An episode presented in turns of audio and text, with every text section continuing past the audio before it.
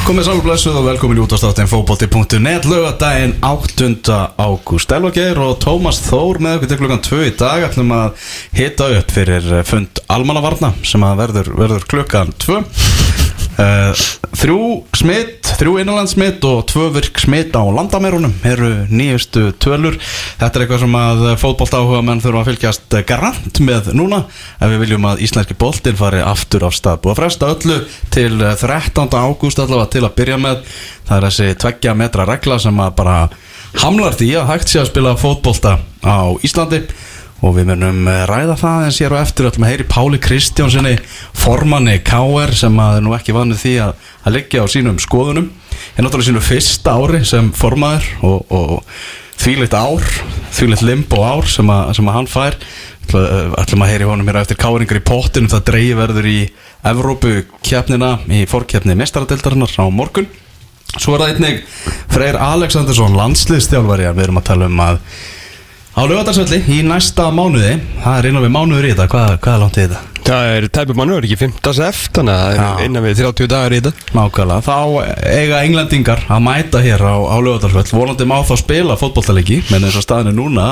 Ef að leikurum væri á morgun þá bara væri, væri þrý ekki búið að banna það þessi leikur færi fram þannig að þá þurfti vantilega að spila bara hlutlösum velli eða spila bara á Englandi eða eitthvað. Og hvað myndi gera samt eða þið myndu bara ákveða að spila leikinn? Þú veist, eru þið bara, eru þið Raheim Störling handtekinn eða? Já. Hvað, þú veist, hver, hver eru, þú veist, eru þið kási sektað, eru þið bara, eru Guðni Bersson settur í steinin? Þú veist, hver eru viðurlegin við þessu? Það eru bara brotið reglur landsins. Já. Ég held bara að UEFA myndi ekki samþekja það að, að það En þú veist, ef að UEFA myndi vilja spila þetta og englendingarnir myndu mæta þarna og fara, veist, ykkur að hérna í smittgáttu eða hvað sem allt saman heitir og bara, heyrðu, ef þið spila ekki hérna leik, þá bara tapið þessu. Þá þurfti, þú veist, KSI að taka ákvörðin á gæll og taka ákvörðin að tapið þessu. Með vera mögulega reglur og keppnið eitthvað eða spila hérna leik og fara gegn þríkinu, sko. Já. Ég held að það sé bara þannig að bara UEFA færi þá leikin bara eitthvað annað. Það er svo leiðis Já. Já, ok.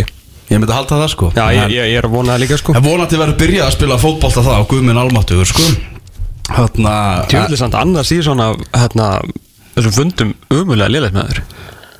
Þegar alveg, þú veist, sko þetta var svona þetta átti raun og vera að vera míniserja þetta átti bara að vera, þú veist, svona þú veist, eins og er alltaf núna á Netflix og, Prime og svona dóti skilur þú veist, það er bara gerð ein serja og hún er bara geðvikslega góð og fær eitthvað velun, en hún kemur ekkert aftur. Mm. og það er raun og vera átti að vera um upplýsingafundi, skilur, við vorum svona ok og gaman að vera með einhvern í vetur eh, þar sem þar við, við komum skort er ekkert eh, út úr húsi og hérna bara fínt að hitta ykkur í svona hálftíma til 45 minútur á dag fyrir eftir hvað björningi og mikið af spurningum. Uh, en þú veist, við vildum ekki sjá þau aftur, skilur Æ. þú veist, fyrir miður, þetta er svona svolítið eins og Nefna bara í einhverjum svona vikunum með Gísla Martin eða eitthvað. Já, bara svona við og við og þá Ah. bara eitt í einu. Þú veist, því að nú er þetta, þú sömu fundunir nema, þú veist, undir lokin á síðustu fundum þá eru fréttan alltaf svo góðar. Og nú er þetta svona vonda fréttir Mhm. Fattu, þetta er svona eins og þú myndir vera að horfa á Olimpíukvöld þú veist, 2008 þáttinn og svona allar að upplifa silrið aftur og þá kemur ljós að það er dottið út í áttalöfuslutum Já, það væri von það hefur værið svolítið vond sko. ah. Já, þetta er, þetta er agalegt ástand En Freyr Alexandersson, aðstofa landslistjálfari Hann verður hérna á línunni á eftir Og ætlum aðeins að taka púlsinn á, á landsliðsmálunum En uh, þrátt fyrir að uh, Það sé búið að setja íslenska fótboltan á ís Þá allavega geta fótbolta og menn hugga sig við það öfugt við fyrirbylgjuna að það er nóga fótbolta í bóði út í heimi því að við erum eina þjóðin sem hefur ákveð að stoppa fótbolta það er til dæmis A. Bjargir voru að gera jafntefli í gæðir Símon Samuelsen og hans lærisveinar Já. þurfum við ekki að fara að fá, tala fyrir því að, að fá Símon í íslenska boltan, í þjálfun Já, við töluðum allan að við vorum með sko reyfinguna hérna á árdögum þessara þáttar Símon heim að þið vildi fara að fá hann aftur í Keflavík þegar hann farin að það einhvern bumbubólta í, í færaugum sko. Þannig að ég sé ekkit eh, því til fyrirstu að við verum líka með eh, förum aftur í, í reyfinguna Símon heim og þarf að segja að fá hann til að þjálfa hér sko. Já, nákvæmlega. Ég held að það væri- væri skemmtilegt. Ég meina, væri það ekki ágætið svona ágætis kostur í staðin fyrir að taka enn einn úr gamla skólanum? Næst er eitthvað, eitthvað spennandi starf losnar? Jú, nákvæmlega, Vi, við tölum fyrir því Og svo er þetta meistaradildin Champions League. Champions League, hún er í uh, fullum gangi aftur. Uh, leikir í, í gær sem í 16. leða úslitum uh, Juventus gerði samanlagt í jafntefli á móti Líón vann setnileikin 2-1 í gær. En eru hins vegar úr leik og franska liði Líón er komið áfram. Bjöðu gleður að með maður. Þetta, þetta líónlega er búið að vera í Ég svolítið uppbyggingu í, í svolítið tíma. Uh, Náttúrulega búin að vera Náttúrulega að henda líka vera að selja nokkra ansi flotta leikmenn eins og hérna Tanga en Dombele sem að fór til Tottenham og búin að vera ansi þéttir af, af upplugum leikmennum sem hafa verið ansi eftirsóttur um, um langarið og nú er ég eh, er ég gríðilegur Olympic Lyonnais maður sko. Og, þannig að, og, og ég þól ekki Juventus þannig að þetta var eiginlega draumur í dós að sjá þarna. Þú veist, Ronaldo skora tvís verðin tapa samt og svona þetta var, ég tapa samt. Já, gera jafntefni samt, samanlagt.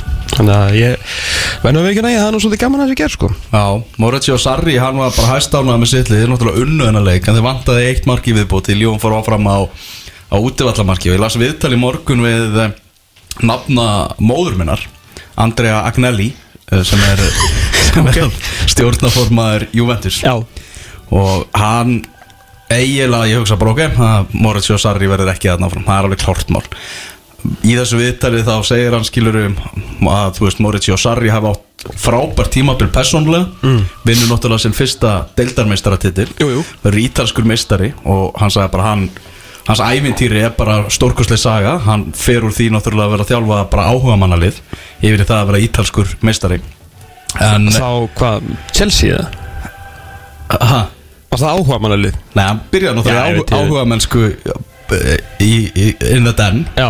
Já, var hann ekki starfsmaður í bókasafnið Jú, eitthvað, eitthvað svo þetta er mjög, er mjög skemmtileg Já, saga, þetta er sko. rosalega saga, sko. Svo, og, og hann náttúrulega mjög sérstakur karakter og við höfum náttúrulega talað um að áður hann er ekki svona henn típiski náttúrulega Juventus-stjálfari þeir vilja hafa þá hann með bindið alveg vel fast og vera, vera svona voðalega smekklegir, sko. Ég fylgdist ekki mikið með seríunni á þessu tímbili. Nei, uh, Var hann í jakkafötum eða tók hann bara serja á þetta? hann tók bara sarri á þetta. Bara í allt og stórum ból að tyggja, er, að tyggja síkó eða? Já, hann var nú svona í svona snirtilari peysu og svona. Nó, ok, hann fóð milli veginn Já, en hann er ok. Uh, Þú veist, ok, þeir verða ítalski meistara Hvað nýjunda tímabilið eru þeir? Já, ég, þú veist, þetta, það er náttúrulega er ekki afreg að ver- verða að vinna seríuna með Juventus sko. Svo vo, meiri sagði sko, þeir gerðu, voru ekkert sannfærandi á þessu tímabili. Og voru alltaf einhvern veginn svona Lazio var að elda á og þeir voru alltaf að bjóða þeim upp í dans en Lazio sagði nei takk. Nei, Lazio stóð bara við hátalarann og vildi bara hlusta á, á hérna, no good með prodigy, bara get hátt vildi ekki fórt á dansskólið Já, Já. það er Já, voru ekki, voru ekkert mjög sannfærandi. En ok, kláruðu þetta á, endanum besta lið á Ítalíu, alveg, alveg klárlega. En þarna segir einmitt Andri Agnelli að hann sagði að fyrir nokkrum árum Juvent, átti Juventus sér draum um að vinna mestaradeildina núna erum við bara í þeirri stöð að núna er bara markmiði hjá okkur að vinna Já, bara þeir og Bayern og PSG ég meina, þú veist, þetta er náttúrulega bara orðið þetta er orðið eins og handbóltadild heima þeim, þeir bara vinna alltaf sjálfkrafa sama hvað gerist og meiri segja að þeir eru slakir að þá hérna á samtingin séns, þannig að þeir fara bara detturuglega bráðum í það að vera með það stóran hópa þeir geti nánast sko hérna bara skipt um lið eins og stórliðin gera í, í handbóltanum sko. Mhm. þetta er bara út úr korti hvað þetta er orðið auðveldur í slið, hvað er þetta, hvað PSG komið í hvað 6 á síðustu 7 eða 7 röð eitthvað og svo 8 á 8 hjá Bayern og, og Juventus. Hvað er þessi gaman að fylgjast með svona deildum? Mauricio Sarri, hann örgulega að fara út. Inn kemur Pochettino. Já það? Já, nú er ítalski fjölmenn að tala um það það sé búið að ringja í Mauricio Pochettino. Var ekki De Serbi hérna hjá Sassuolo og eitthvað svona svona outside sjátt eða? Jú, Er hann ekki eitthvað voða svona heitur þess að dana? Og ég er með þess að tala um sko hérna uh, Simone Inzaghi hann var, var orðað við þetta og sá með þess að Allegri endurkoma og eitthvað. Ok. En það er búið að tala um það hann sé efstur á blæðinu nú sem þess að búin að fá síntalið frá, frá Juventus. Já, hann lítur líka vel út í jakkafötum og svona. Hann gerir það svo sannarlega. Og það er, það er kostur það kemur að Juventus. Þeir eru allavega úr leik. Lyon fær það verkefni að etja kappi við Manchester City í áttalega úrslutum Manchester City með flottan sigur á móti Real Madrid í gær voru bara hörku góðir. Náttúrulega Aguero meittur og, og bara alls kostar óvís hvort hann verður eitthvað með þeim í, í þessari mestaradeild núna. Mm, Ég held sem mjög tæft að hann fór til hérna sérfræðingsins í Barcelona út af nýjum og sér og eitthvað þannig að ef þú tværið þangað þá ertu ekki að fara að spila í bráð held ég. Nei, en þeir voru bara með kvika og flotta sóknarlínu og, og bara geggjaðu sigur hjá þeim og meira þess að lítu vel út varnarlega sem hefur verið svona kannski þeirra akkilesar hætla eða kannski hefur bara verið þeirra akkilesar hætla á tímabilin Já, algjörlega og náttúrulega hjálpaði svo sem uh, líka mjög mikið til að Rafael Varan uh, greinlega fagnaði þessum titli uh, ansi hressilega á, á spáni. Hann náttúrulega mætti inn í þennan leik bara þú veist eins og hann hefði búin að vera á Tenerife í svona tvær vikur samflett sko. Eða hann hefði tekið sko Gary Martin át í Mexiko sá var liður sko. Það var líka mjög gott í viðtalinu eftir lengt þegar hann sagði hérna, hann, ég tekið á mig. Bara nú? Já, er það, að þú ert á að meina að þú gafst bæði mörkin? Eða? ok, takk fyrir það. En hann alltaf viðkendi þessi, þessi skelvilegu skelvilegu mistök sín. Hann ákveði skilabói á City bara þeir geta unnið þessa kjarni ekki nokkuð spurning, ég held að þið hlúta líka að vera þokkalega svona þokkalega gýraðir í það. Ég var svona að pæla með, með Real Madrid liðið. Já, þeir unnu nánast þennan titil þarna heima fyrir í kyrði já, það gerir það. Það er bara svona einhvern veginn þetta mót bara svona flaut áfram sérstaklega hérna heima þegar það er enginn að sína þetta. Og ég er svona kannski meira að tala svona út frá stokkur Íslendingum alla, alla. Já. en maður bara einhvern veginn vissi alltaf af þessu. Mhm. og hvernig að sítan mætti þarna og gerði eitthvað svaka breyting breytingar, hann gerði bara, úst, hann bara Casemiro Kroos uh, og Modric á miðinni og þá bara unnur þetta. Þetta er ekki sérstaklega flókin fræði að vinna þessa spansku delt ef að Messi getur ekki borið Barcelona liði til sigur sko.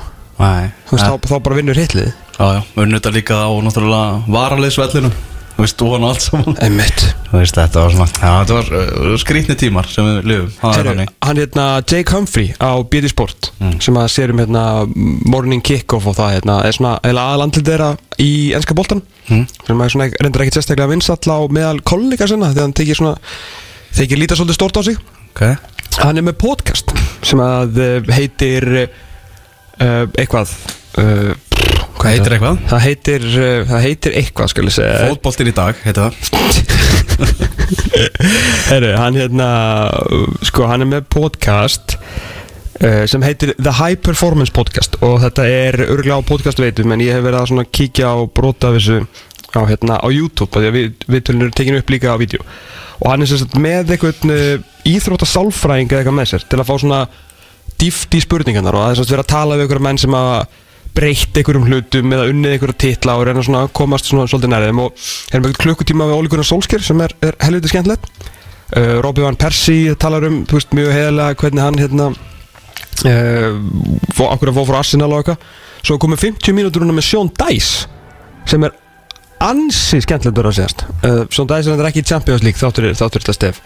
Uh, það er einmitt hérna, Sean Dice sem spurður út í það bara, herru, þú veist, ert þú bara búin að móta þetta hérna Uh, þetta liði bara algjörlega eftir þinni hugmyndafræði. Hann er ekki svona, já ég meina þú veist ég veit þetta, þetta snýstu kannski svolítið í kringum mig þú þarft að vera með hérna, þetta fólk í kringu þess að gera eitthvað.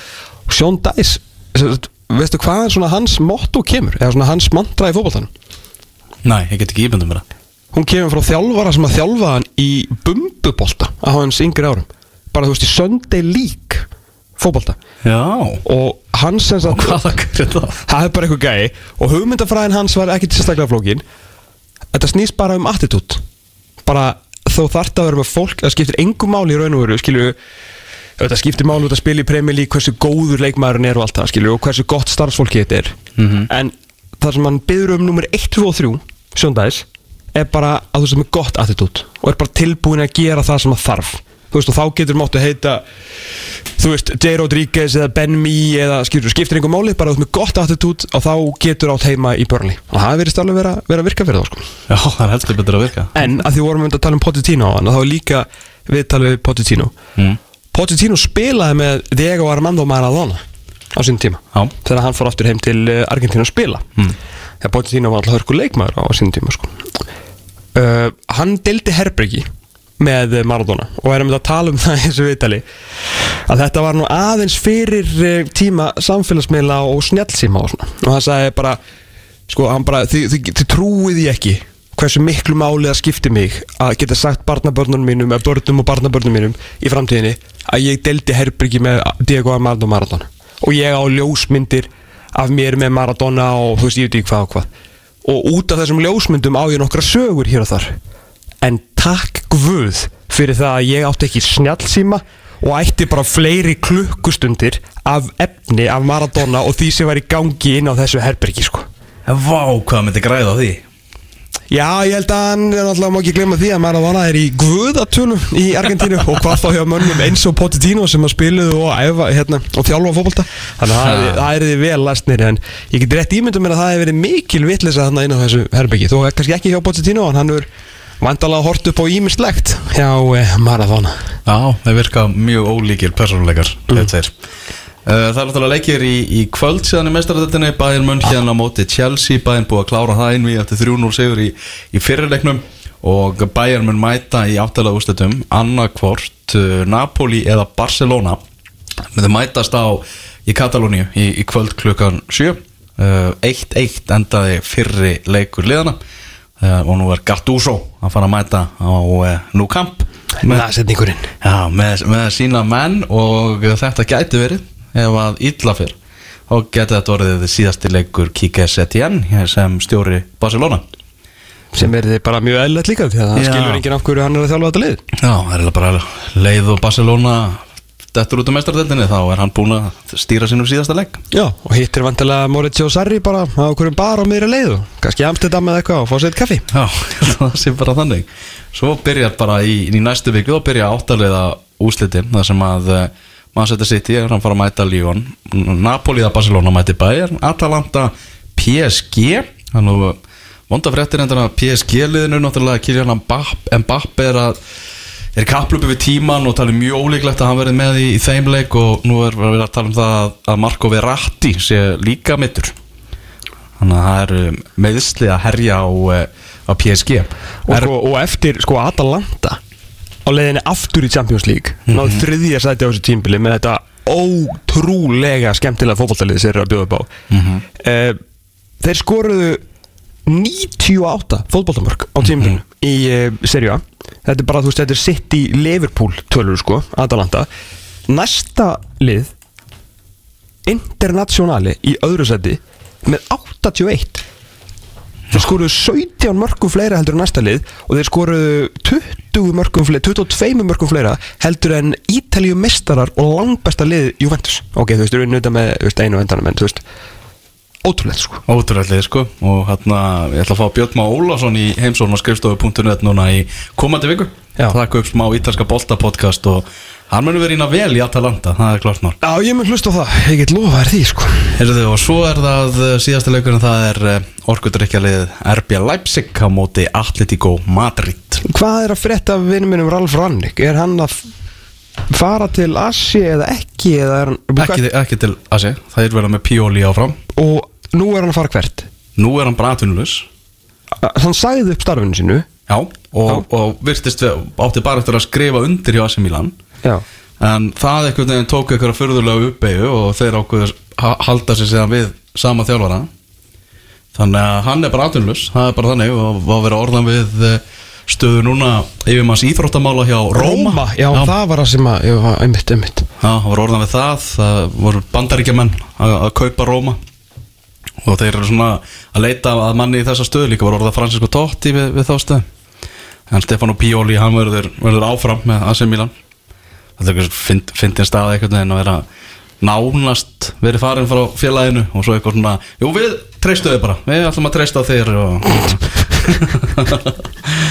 Svakalega gaman eitthvað. Já, mjög gaman Heyrðu, þannig að það meistaradeildin, það er allavega stemming og stuð en eh, hér rétt á eftir allavega að kíkja á íslenska boltan og heyra meðal annars í Páli Kristjánssoni Fótbolta.net á X977 og ítalski fjölmjölar að segja núna frá því að það sé búið að reka Maurizio Sarri.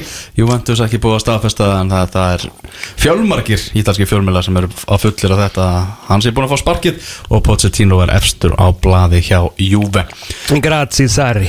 Já, það er svolítið En við ætlum í þessu þætti að uh, hita upp fyrir uh, Pepsi Max deildina Við getum það ekki því það er ekkert leiki í Pepsi Max deildinni fyrir en allavega einhvern mann um miðjan mánuðin uh, Þetta hefur náttúrulega verið förðuleg vika. Þetta er búið að vera þögnin ein frá uh, Kransbyndursambandi Íslands og og uh, Bamaðin hafa bara svona beðið millir vonar og óta hvað hva niðurstaða kæmi úr þessari undan þáu beðinni sem að KSI sendi til yfirvalda. En uh, það kom síðan bara nei nei, það er bara þannig. Það er ekki hægt að spila fótbolta og með tvekja metra reglunni þannig að fótboltinn, hann bara hann, hann fer ekkert fram. Það er bara þannig, það má ekki æfa eins og nema með tvekja metra viðmiði. Og þetta er bara þetta er erfitt. Þetta er og, og pirrandi og meðan fótboltinn eins og við erum margótt búin að tala um er í fullum gangi allstaðar í heiminum þá einhvern veginn er ekki sjá íslenski yfirvöld ekki lausnir í, í þessum málum Það er náttúrulega eins og segja verið að spila þetta út um uh, gerfalla veröld og til dæmis í, í Danmörku það sem eru meiri sér lefðir áhörvendur uh, upp að einhverju marki mm.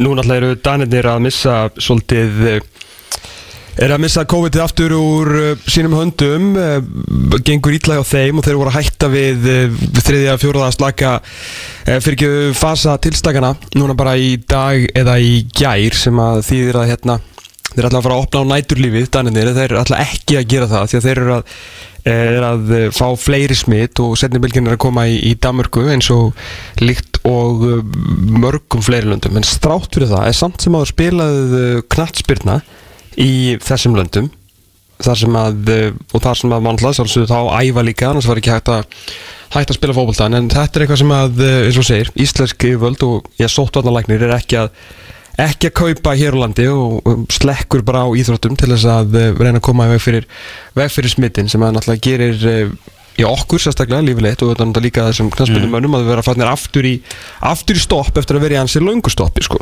meðan einhvern veginn er verið að reyna að halda öllum kemum samfélagsins einhvern veginn í gangi þá er ákvörðin yfirvalda að íþróttalífið það sé bara stopp, það skulle slökka því Já, þetta er náttúrulega, sko, maður hefur maður náttúrulega vonar að þetta snúist ekki um einhverja, þrýstihópa en maður náttúrulega, þú veist, er að tala við fólk uh, alla daga um, um hitt og þetta og það er náttúrulega þú veist, á endanum er þetta náttúrulega yfirvöld sem er, sem er að uh, veist, setja þessar reglur endanum með þessar samþykja minnisblöðin frá sóttarlækni og, og almannavörnum og, og allt það.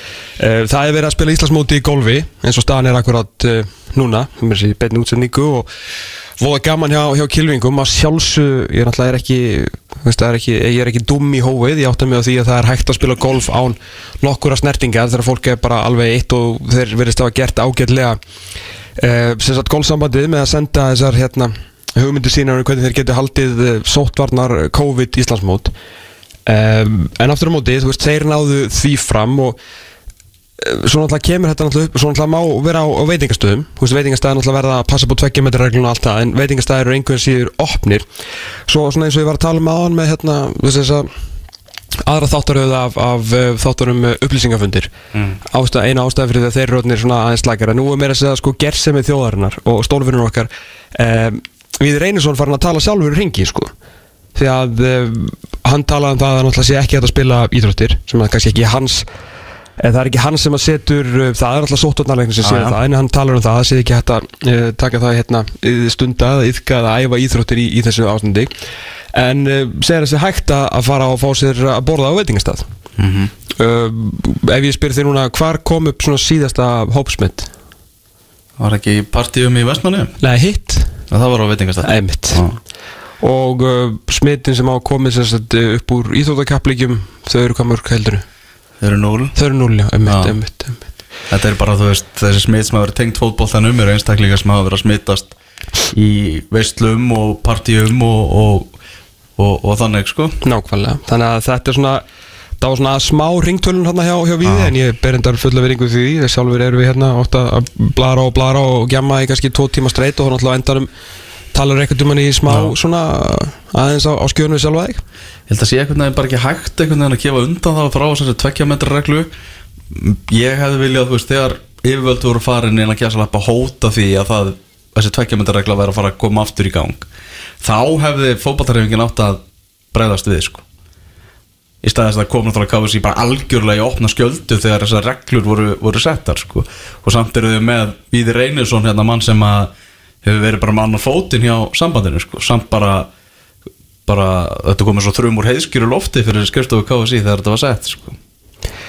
Já, sko, maður er náttúrulega, það er eh, engin stopnun á þessu landi sem maður, maður er langar til að eh, halda jafn mikið með og maður heldur jafn mikið með og, og knaspunni saman Íslands þar sem að það náttúrulega uh, er, er félögin í landinu félögin sem við, þú veist, höldum með og, og, og störfum fyrir og skilur og, og elskum skilur. Og náttúrulega sér utanum, heldur utanum íþróttuna sem við elskum. Og fjöllum um og svona lifum svolítið fyrir.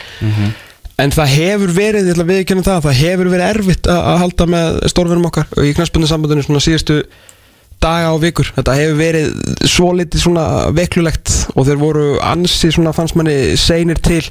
Man heyrði í, maður heyrði það líka að menn voru ekkit sérstaklega sáttu við hennan rafræna fund þarna, hvað var það að gæra fyrirdag að hérna. Já, fjárfundurinn fjárfundurinn, að það er svona verið lítið lítið um sör og svona liðin í landinu. Og félögin séu að vera svona orðin, orðin svo lítið svo lítið pyrruð á þessu. Um, og hérna og svo líka, þú veist, og svo er það svona haldaðar áfram stuða og svo verið að heyra það í gær að uh, knarspunni samvætt Íslands tókst að uh, gleyma því að skrá íslensku liðin til leiks í Evrópakefni Þú veist að gleyma því. Já, uh, Evrópu, knarspunni samvætt Evrópu þurfti að hafa sambandu KFC og spurja hvort íslensku liðin ætlaði ekki að vera með. Já, Þú veist, og, og ofan í það sem er í gangi og pyrringin svona gagvart kannski ekkit allt og sterkum viðbröðum eða nómiklum þrýstingi á almannavarnir og, og sótanleikni og allt það til að klára þetta mót veist, þá eru allir svona hlutir líka svona til að stinga menn þá ennþá meira. Þannig að það er ekki það er engin einhvern veginn að fara með sko, þú veist, með, með skúfuköku hérna neyritir og mörguglas til að fara, að fara að gefa en það er svona smá það er að mynda svolítið gjá á milli þings og þjóðar akkurat þessa stundina sko. Mhm. En Það er alltaf búið að fresta öllu til 14. ágúst Það er næsti leikur sem er skráður í Pepsi Max deildin er Háka Fjölnir Föstudagskvöldi 14. ágúst uh, Heldur að hann fari fram þetta kvöld Fyrir Háka Fjölnir 14. ágúst 14. ágúst? Nei ég, ég, ég get ekki séð það sko. Nei. Hvenær fer íslenski bóttin að stað? Þegar tvekkjum þetta regla verið Já. Fyrir verður það ekkert. En hún stendur núna til 13. ágúst.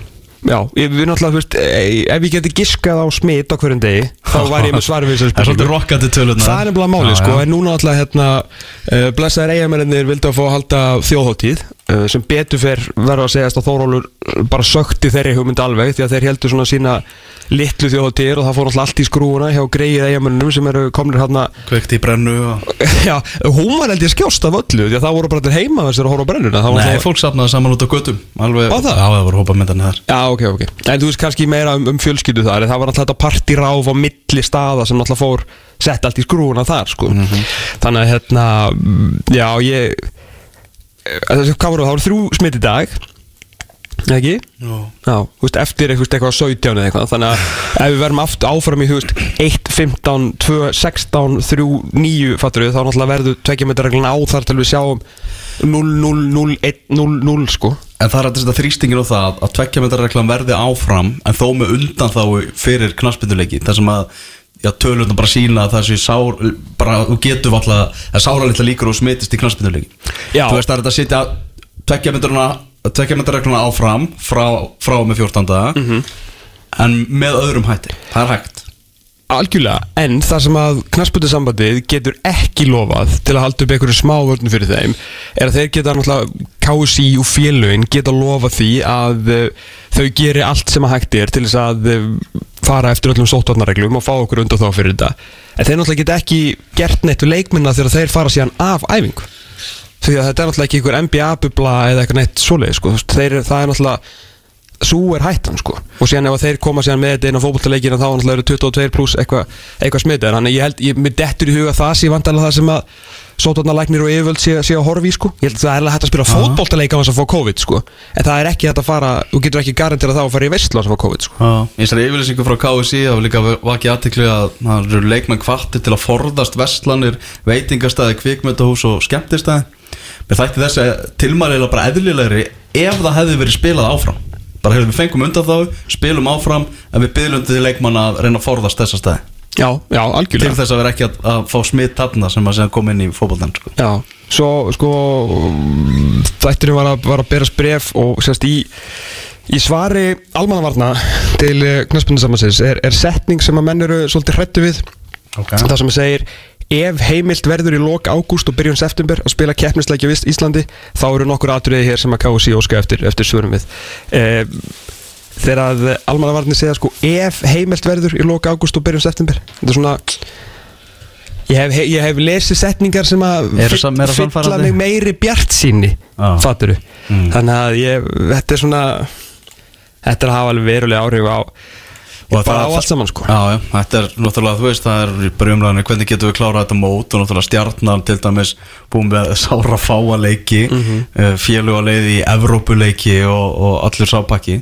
Það Er- hef, hefur komið upp svo umræða hvort að þú veist eiga að slaufa annar deild og niður og bara leggja alla áherslu á að klára efstu dildir Bara eins og ennskir gerðu Já, bara og gert víða, Víða, já. mjög, mjög víða, Nor norðmenn líka. Já, bara sé og niður, bara búið. Já, Já, og bara klára, þú veist, dæstu deildirnar sem að vekja mest aðtekli og mest er hort á. Já og náttúrulega mest er undir. Og mest er undir og hérna og með, með þeim hætti þá væri hægt að hérna náttúrulega minka smithættu með því að fækka leikjum gríðarlega og fækka verkefnu dómara gríðarlega og allt það sko. Já, al algjörlega. Og þá náttúrulega þarftu líka að hafa áhyggjur af miklu færri leikmönnum sko. Já, já. þetta myndi gera marga mjög reyða og náttúrulega ég vilst vel með annar dildin í sumar stór skemmtileg sko. Skiptir bara einhver máli. En þetta er bara, þú veist, Því miður. eit, eitthvað þarf að gera. Og hérna þetta er eitt af, því, eitt af því sem er í umræðinni, er klárlega verið að ræða. Já, en það er nú alltaf, nú þarf sko líka KSI bara að fara að taka ykkur ákvarðanir. Þú veist, eh, hérna voru ekki að tala um eitthvað Var einhver setning á þessu formann að fundi þess að talað um hérna, held ég Man, hvar var þessi setning þegar mann voru að tala um hérna að þeir ætla að sjá til á föstudeginu hvað myndi gerast hvort það er spila á laugadeginu þegar menn átt að fá bara sólarhings fyrirvara til að fara að spila veist, þannig skilubó frá KSI sko, þeir verða aðeins að fara þú veist, það verður eitthvað að fara að taka einhver afstuð og fara að gera eitthvað, ekki einhvern veginn láta þetta bara svona malla í einhverju limbúi því að þú veist, það er að myndast upp svo mikil pyrringu sko. Mhm. þú veist, og náttúrulega félaginu er náttúrulega nógu pyrringu því að geta ekki verið með verið með fótballtalíki, allt í öðru var hérna, allt komið á stað, þú eru þú veist, þvílík mætinga á, á leikina eitthvað svona tekjufarðan að rulla inn. Fyrir þetta, þetta var bara gaman, þetta var bara þú veist, samfélagslega holdt fyrir alla að geta að fara á fótballtalíki en fyrst og fremst voru komin tekjurinn í félagin til að fara að borga þessum leikmörum og bara borgundir allt sem að, sem að þurft að gera. Og nú bara aftur stopp. Og hvenær á síðan að klára þetta? Fyrsta desember, segir reglugerinn við getum verið með fótbolta hérna í oktober uh, og, og november og þá ertu farin að horfa upp á leiki sko spila í hádeginu út af byrtuskilurum í, í november þar sem að náttúrulega íslenska byrtan er glæslu og neður hérna á sumrin. Þá er hún náttúrulega er hún engin um helga eh, hérna engin um helgar, er hún engin bara alla daga nánast, eh, sérstaklega ekki um helgar. Uh, hérna þegar við erum komin inn í, í november og hver er, hérna getur þú að, tveir striði í Íslandsmótsins er það 14 að 15 leikir? umferðir, minna Já, uh, Þú veist, ég held að það sé bara heildan magn leikja í, í keppninni já er það? Er þriðju sam- Samkvæmt reglugerinn er það núna þannig sko. Já, þetta er tveir Þetta var það þriðju- sem að Þórir bent á í, í byttali hjá okkur fyrir viku síðan. Sérst tveir þriðju af 132 Já. Ah, skilið, það er mega Ég mega ætla að segja, segja þannig sko. Þá var Ok. að tala um sko að eitt lið geti verið kannski sótt Hví og samt orðið meistari Skilur Já, já, já. með bara sárafáa leiki sko. Já, einmitt, einmitt, einmitt. Það er svona, það er En hérna, Gauði Þórðar var ég hérna viðtali í vikunni. Ef það er einhver staðar holl starf sem og vilja til að hafa hlutin í lægi Þá er það hjá íþróttarhefingunni Mannst þetta er svolítið góður punktur. Þetta félun er búin að gera þetta mjög vel Með, með þú veist, hólfaskiptingu og hafa hlutin í lægi sko. Mm Vissulega mismunandi á milli félaga en það eru svona flestir sem að sína sína þessum bara nokkuð, nokkuð mikið skilning sko. Já, já, algjörlega. En ég menna, þú veist, það, Já, sko- það er eins og íþróttarhefingunni sé ekki alveg treyst Nei, nei, nákvæmlega sko. Þetta er alltaf líka bara svo gríðalegt magn af fólki sem að ég held að sem að dettur í huga að sóttáttalækni sé og þess að maður sjá um þetta séu hrættir við að hérna, hvaða er mikil snerting á milli, á milli margra. En þetta er náttúrulega alveg Uh, alveg skelvileg staði þessu sko. Ekki veit maður síðan hvernig þetta Íslandsmót verið spilað og eru komin hérna í einhverja frostleiki í nóvember. En það er veðri í nóvember betra heldur en í oktober þannig ég sé nú ekki að ég að spila þetta þá sko. Því mér eru alltaf læðið við landinu þegar ég og Amalí byrjun oktober sko. Það er svo leis Sælir. Já, góðan daginn, Páll eh, Kristjánsson formaður knæspundeldar KR, hvernig ertu í dagur minn? Ég er bara þokkalugur. Já, það er kannski ekkit mikið meira svona með þess að síðust á verstu Nei, maður það bara aðlæsa aðstæðum, sko. En maður býður bara eftir, eftir vandamálu morgundagsins, ef við erum dreigið að erum kemni, þá taka bara nýja vandamál við. Já, uh, við hefum kannski bara að byrja þar fyrst þú komst eh, inn á þetta Náttúrulega Íslandsmeistara KR í pottinum þegar það dreigir í uh, fórkefni mestaradeldarinnar á, á morgun uh, Hvað hérna, hver, er bara svona staðan á öllu? Er þetta vonast eftir einhverju sérstöku landi eða þú veist, skiptir það þegar einhver máliða? Sko, alltaf svolítið ströng skilið sem Júfa er sett á lið í dag. Það er svona, maður hefur heitt svona hýmsa kröfu sem hafa komið fram eins og að liðum fyrir að ferðast veginn við, fyrir að mig ekki ferðast almenni farrými heldur einhvers konar engaflugulum eða þannig að maður vonast eftir að sjálfsögð sem styrstu flugi þannig að það getur komist með sem hægstæðstum hætti en mér skilst þetta síðan allt meira og minna bundi hérna einhvers stað við Noreg eða, eða Skotland eða Írland. Já, þannig að þetta hefði maður vonast eftir heimaleika en í ljósi nýjustu fregna þá veit maður ekki alveg hvernig það ætti að fara fram en, ef við þurfum að ferðast þá verður þetta vonandi stuttaralag og eins og ótítt hægt er. Hvað hérna, hvað gerist í, síðustu viku og þess vegna getum við ekki alveg sett okkur við að við fáum ekki svör fyrir 13. ágúst því að það er dreigið á morgun og við þurfum að svara ekki síðan á þriði dag hvort við ætlum að spila heimaleik en ef við fáum ekki svör frá stjórnvöldum fyrir 13. ágúst hvort við meðum spila fókvallaleik yfir höfu þá setur þetta svo litið okkur í mjög óþægilega erfiðar stöðum og bara við höfum ekki fengið fullnægandi svör Hvað hérna, við getum ekki beðið til 13. ágúst nei, þannig þið verðið að fá bara svara þannig að verðið þráttur að he- þess, drægið heimaleik sem alltaf sjálfsögur físilegri kostu til að komast áfram og fá okkur á fleiri tekjur inn í félagið að þá gætu þurft samt sem að vera að gefa frá okkur bara vegna þess vegna skorts á svörum Já, við höfum ekki fengið nægilega skýrsför og það það er alltaf að vísa til 13. ágúst að setja almennt æfing og keppispann fram til 13. ágúst Mhm. en við vitum allir og maður fara ekki að leita sérfræðingur í sótturnum að staðan verður ekki betri í landinu 13. ágúst en er í dag við sérstaklega með eitthvað menn segja við sem stattir í þessari svokvöldu kurvu sem við erum allir að verða betur og betri í að við vitum ég skil, við skiljum einfallega ekki akkur að vera að vísa til 13. ágúst þegar staðan verður ekkert betri þá Nei, hvernig, hérna, hvernig var einmitt svona síðasta vika? Maður heyra að vera út eða svona svolítið, svolítið pyrraður hvernig svona fyrstu viðbröð sambandsins hafa verið og, og það sem þau var reynda að gera er og hvernig hefur samskiptin verið bara millir félagana og sambandsins? sko, þau hafa svo sem verið alveg þokkalega ágætt, það voru hægt fundur á, á það var fundur á föstudaginn eða fundur í gæði þar að segja hátteginu þar sem KSI varpaði fram aðeins skýrari stöðu á, ljós, aðeins skýrari ljós á stöðu mála Mhm. og upplýstum samskiptið yfirvöld ég svona það kom náttúrulega svar í gær frá yfirvöldum eða minnisblad þar sem hann svarði ákveðin spurningu sem KSI hafi kastað fram Mm -hmm. ég veit ekki hversu ofnbært þetta minnisblad er eða annars líkt en ég finnst hins vegar í þessu minnisbladi uh, eins og segi, ég er, er ekkert að gaggrina sóttvarni eða völd eða neitt líkt þetta er bara fólk sem er að vinna sína vinnu. Mhm. en mér, mér, mér svari líkta svolítið svona þessum klassiska frasa computer says no. Það er ekkert að leita lausna. Við verðum að horfa bara á þá staðarind að, að, að við stöndum bara frammi fyrir því að knaspirna í dag er er bara, þetta er þetta er bara viðurkjent að það er fjöldi mann sem vinna við þetta, það er mörgundur mann sem hefur bara sitt lífsviði væri að knaspirnu Mhm. og okkar stærstu hagsmunni í fótballstanum fyrir tengdir efstætt Karla. Og stærstu hagsmunni efstætt Karla er tengdir árangri liða í Európ Mhm. Mér finnst þetta svolítið svona skauta svolítið létt yfir það. Eins og ég segi, ég veit ekki hvort að menna að setja minnisblað og sko það, það sem kemur fram það sé eitthvað leyndamál sem ánáttúrulega alls ekki að vera en, en svarið er ekki það svarið er bara að veirudelt landsbygg veirudelt háskólaflugrús geti ekki annað frekar í rannsóknum. Og að og að hérna, er ekki við erum búin að skoða alla mögulega leiðir á að ræða við íslenska erðagreiningu og fá það og borðinu til þess að taka sína, síni úr, úr, úr leikmönnum og starfsliði og við viljum bara fara nákvæmlega sem leið og leið í Európa að vera að fara. Mhm. og ég skil ekki ég skil ekki hvað er öðruvísi hérna í Íslandi en annars það er Európa, við þurfum ekki að finna pjóli í þessum efnum Nei, það er eiginlega búið að finna það upp uh, bara til dæmis á, á Norðurlundunum þannig að ég raun og verið til að spyrja bara sömu spurningarinnar að uh, hef ekki þá einu svona fengið svar við því hvað, þú veist, af hverju það verið að spila í Danmörku en ekki Íslandi? Eða þú veist, fyrir ekki bara færi en ekki Íslandi?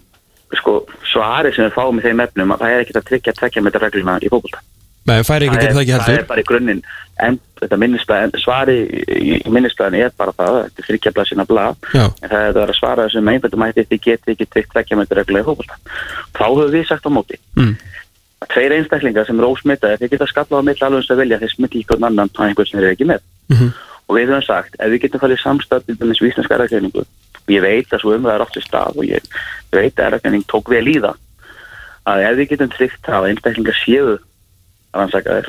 Það er staðfyrstlega séu ekki smittaðir þá þurfum við ekki að tryggja þess að blessuðu tvekkjumættarreglum við erum ekki að tala um að sleipa áhörnundum á svæðin Nei, nei, við erum bara um að tala um það að leikmenn í efstel Karla það sem minni fjárastu hagsmunir er undir að með fullri veringu er pepstild hvenna eða, eða annar á fjórubild Karla en fjárastu hagsmunir er í pepstild Karla dag. Mm önnur mót getum við einfallega bara klára síðast. Og hvað við verðum að tryggja það að þessi leikir geti farið fram. Og verðum að tryggja það að við getum fengið að taka það geður Mhm.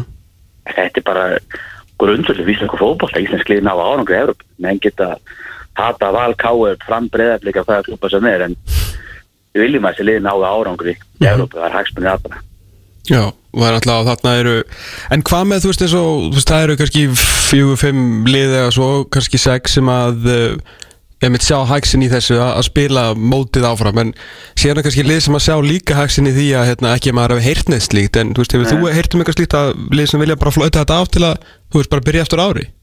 Nei, ég, það er ekkert lið alveg ekki, eins og ég segi það er ekkert lið sem ég hef og ég hef verið í góðum samskiptu fósastmenn flestra liða í pepstilkalla Ok, þannig er ein hugur bara um að spila. það er verið að spila. Ég svo sem persóna sjálfur þeirra skoðunar ég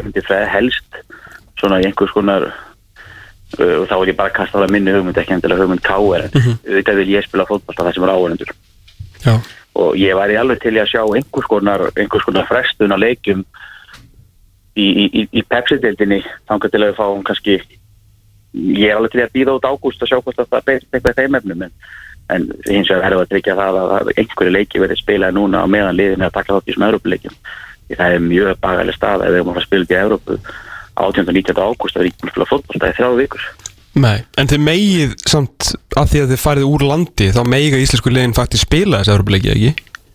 við megum alltaf spila Európa-leiki Já, úti úti á en, en, en hérna vandamáli það að, að við, fá, við eigum að láta vita núna á þriðdægin þriðjudag, einmitt. hvort við getum spila heimaleik við fáum ekki svör frá stjórnvöldum fyrir á miðvikudaginn hvort við að spila heimaleik og það gengur ekkit upp og auðvitað er þjóðarur ekki og allt þetta sem skiptir máli en þau verða bara yfirveld verða alltaf svo því að hagsmunni fókbaltans í dag þetta er ekki bara eitthvað hobby. Þetta er bara hér er undir þetta er bara heil starfstjætt ég er menn tala um einhverja 900 flugflögur eða x margir sem verða að missa vinnun hjá Æsland er og derga sko fótboltin er miklu miklu miklu stærri í þeim mm Já, við erum mörgundur manns með leikmenn, þjálfarar, dómarar fjölmiðlar, það er miklu miklu fyrir sem hafa hagað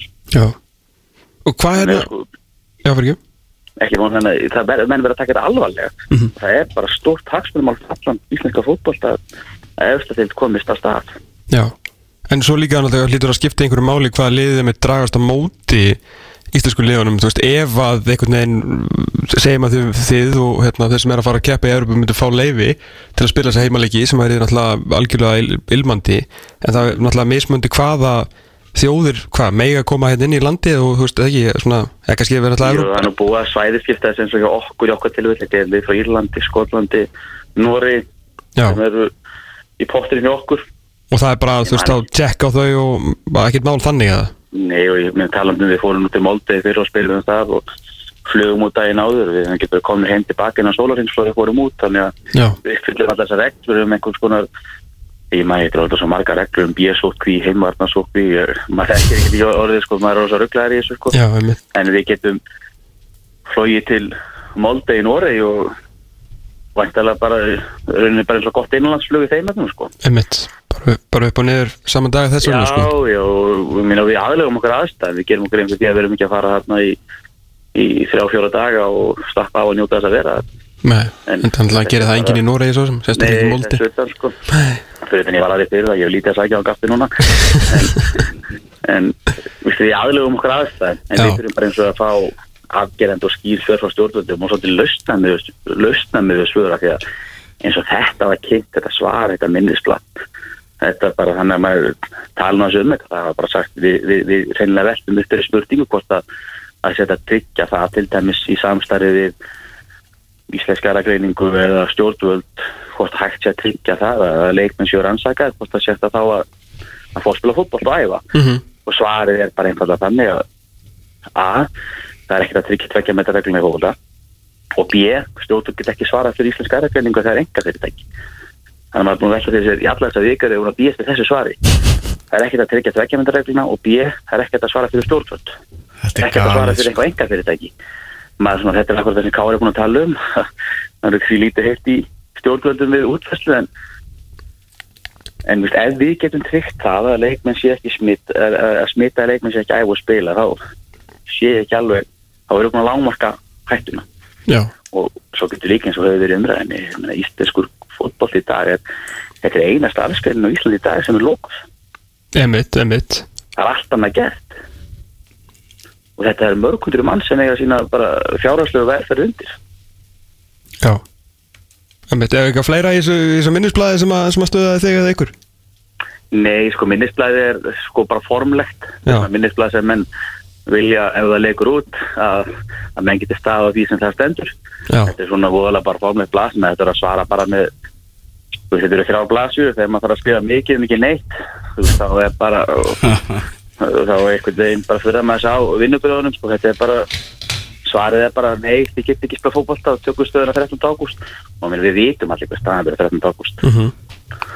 þannig að þetta er bara mér þetta pyrrandi en ég, ég, ég er ekki gattinn að stjórnvöld sem er að gera sitt besta og ég veit að það er alveg knaspunnulega þengjandi menn þarna í fórsvari og stjórnvöldum sem vilja okkur alltaf besta en það ekki vera að lausna með það ég hefði viljað sjá bara hérna ef þið getið tryggt að það sé ekki spiltar einstaklingar að spila þá gjör þau svo vel.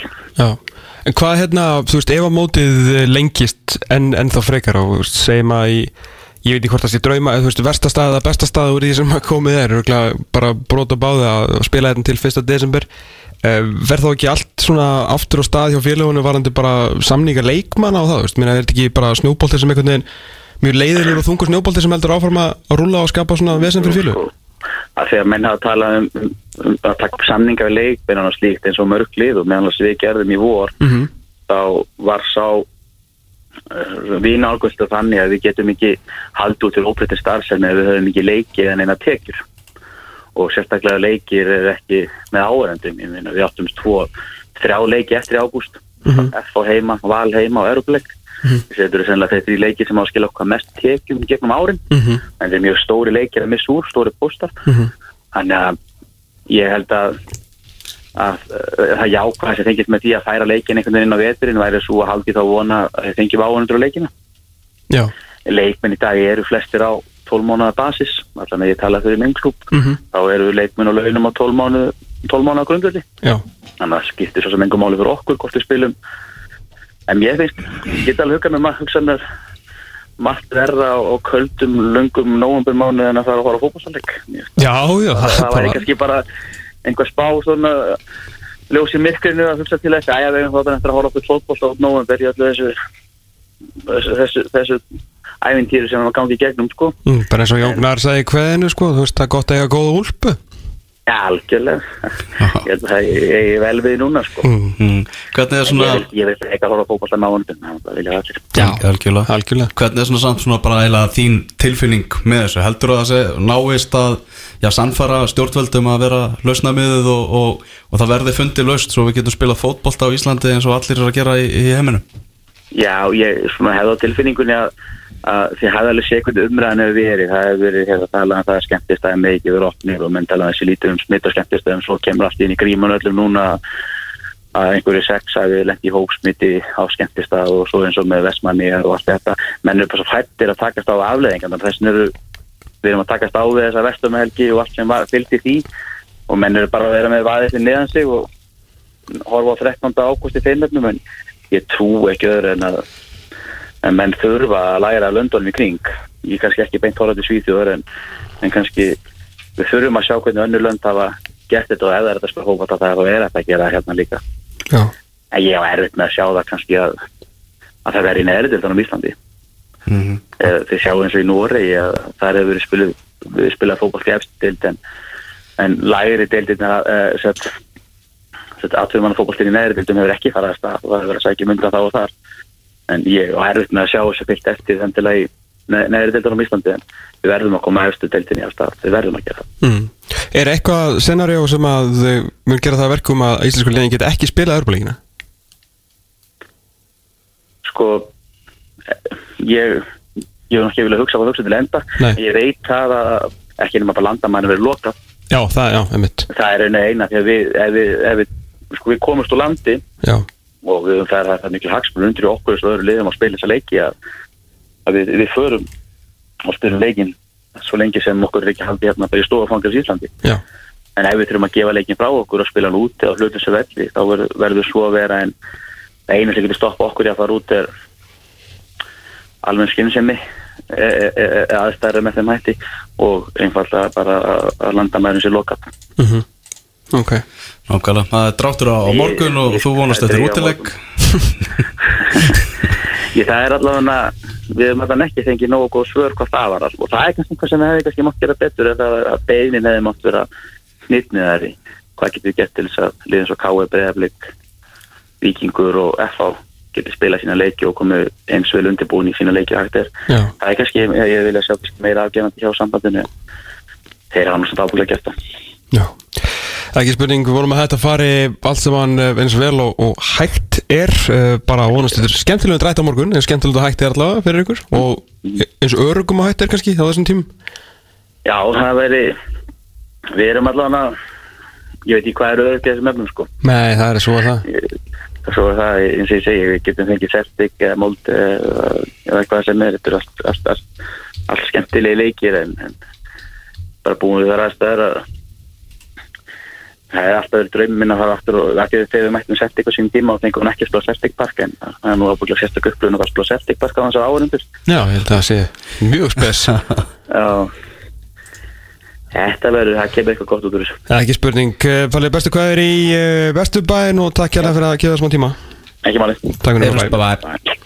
Já, Páll Kristjánsson, formaður knarsbyndildar K.R. Ég veit á ekki hvort mér langi eða langi ekki að segja þetta minnisblad Ég er með það Þú ert með það? Já, ég, og, og, viltu fá það? Já, senda það bara mig Já, það er ekki bara Jú. Þarna, eh, eins og Palli talaði um þetta Ég er ekki búin að skoða þetta minnisblad uh, gömgjafilega sjálfur en computer says no eins og, eins og hann segir bara gaggrínir hérna yfirvöld fyrir að vera ekki í lausnarmið í sínum svörum þetta er einfallega að segja bara nei, ekki hægt já. það er leðilegt það er leðilegt en svona er bara staðan. Vonandi fer þetta fer íslenski boltinn sem fyrst aftur af, af stað. En uh, ætlum að uh, hér á eftir að ræðum áhrif landsliðsins og ímislegt fleira. Juventus búið að staðfesta. Mauricio Sarri er rekin Grazie Sarri. Fótboll.net á X-inu 977 alveg hér og Tómas Þór með ykkur hérna í eh, fiskabúrinu uh, létti ljúfur og kátir svona eins og hægt er að vera þar áttur að uh, íslenski boltinn hafi verið stöðvaður. Er það Bormáð kom með nýjan stjóra? Já, þeir uh, ákvaða að ráða bara innan dyra. Uh, fengu aðstofumennin settu hann bara upp um upp um eitt stól, eða fara hann vantilega til hliðar um eitt stól, þannig að nú tekur hann við stjórasættinu hjá Eddie Howe. Jason Tindall, 42 ára gamall uh, fyrrum leikmaður, Bormóð sjálfsögðu spilaði ríflega 200 leiki fyrir liðið á 98 til 2006 og er búinn að vera aðstofarstjóri Bormóð uh, tvívis núna síðast frá því 2012 þannig að uh, það er ákvað að halda áfram svona hugmyndafræðinni, búin að vera einmitt mikil umræð um þetta hvort að hérna, þeir eru að fara í einhvern annan eða þú veist að því að náttúrulega Bormóð er Eddie Howe, þú veist að það er mjög erfitt að finna mann sem að einhvern veginn eh, kemur og breytir ekki of miklu en það menn vorum ansi fljóttarnir að farnir að giska á eh, Jason eh, Tindall það er einn maður sem er ekki ánægð með þessa ráningu og það er eh, Stan Collymore. Nú, með hann er, er í mikilli svona herfer núna að vekja máls á því sem er náttúrulega mikill er mikið vandamál í breskum fótbolta í efstu fjórum deildunum og það eru engir ég held að sé engin akkurat núna sagt, svartu þjálfari. Já, uh, nema að sé hefur eitthvað breyst frá því bara fyrir mánuðið síðan. Uh, og hann er búinn að vera hérna, sett eitthvað á Twitter í gær um þetta og hérna, fannst mjög lélegt að Sol Campbell var ekkit að hann var ekki hann var ekki á borðin einstar í þessi stjórastörf og það var svona verið að benda á það hvað hann væri slagur þjálfari hvort sem að segja þú veist svartur hvítur eða, eða þú veist einhvern veginn öðruvísi sko. Og nú er hann eh, mynd svona aðeins að vekja aðtekla því að hann segir hérna að sjálfsögðu þú veist reyður Jason Tindall maður kannski er svo litið ósangjart gagvart Jason Tindall þar sem hann alltaf Bormóð þurfti að velja næsta mann mjög vel skilur mig sko. Já, en hérna auðvitað þurfa svo sem öllu að ráða hérna mjög vel. Þannig að hann er ekki ekki næst sérstaklega sáttu við eh, þetta og var einmitt hérna svona benda á nokkur lið sem að væri svona að ráða. Og hann er mitt svona kannski opnað á það sem að ég held að verði umræða svona bráðlega. Uh, Marcelo Bielsa hann er ekki alveg jafn hrifin og margir aðrir því að Marcelo Bielsa er náttúrulega í guðatölu í Leeds. Og það eru þjálfarar sem að segja hans er besti þjálfari í heimi þjálfari til dæmis eins og Pep Guardiola. Mm þetta er séni Já, en Marcelo Bielsa sko ef þú þú bara horfir mjög blákalt skilur þá hefur hann gert anskotan ekki neitt á 30 ára ferli sko.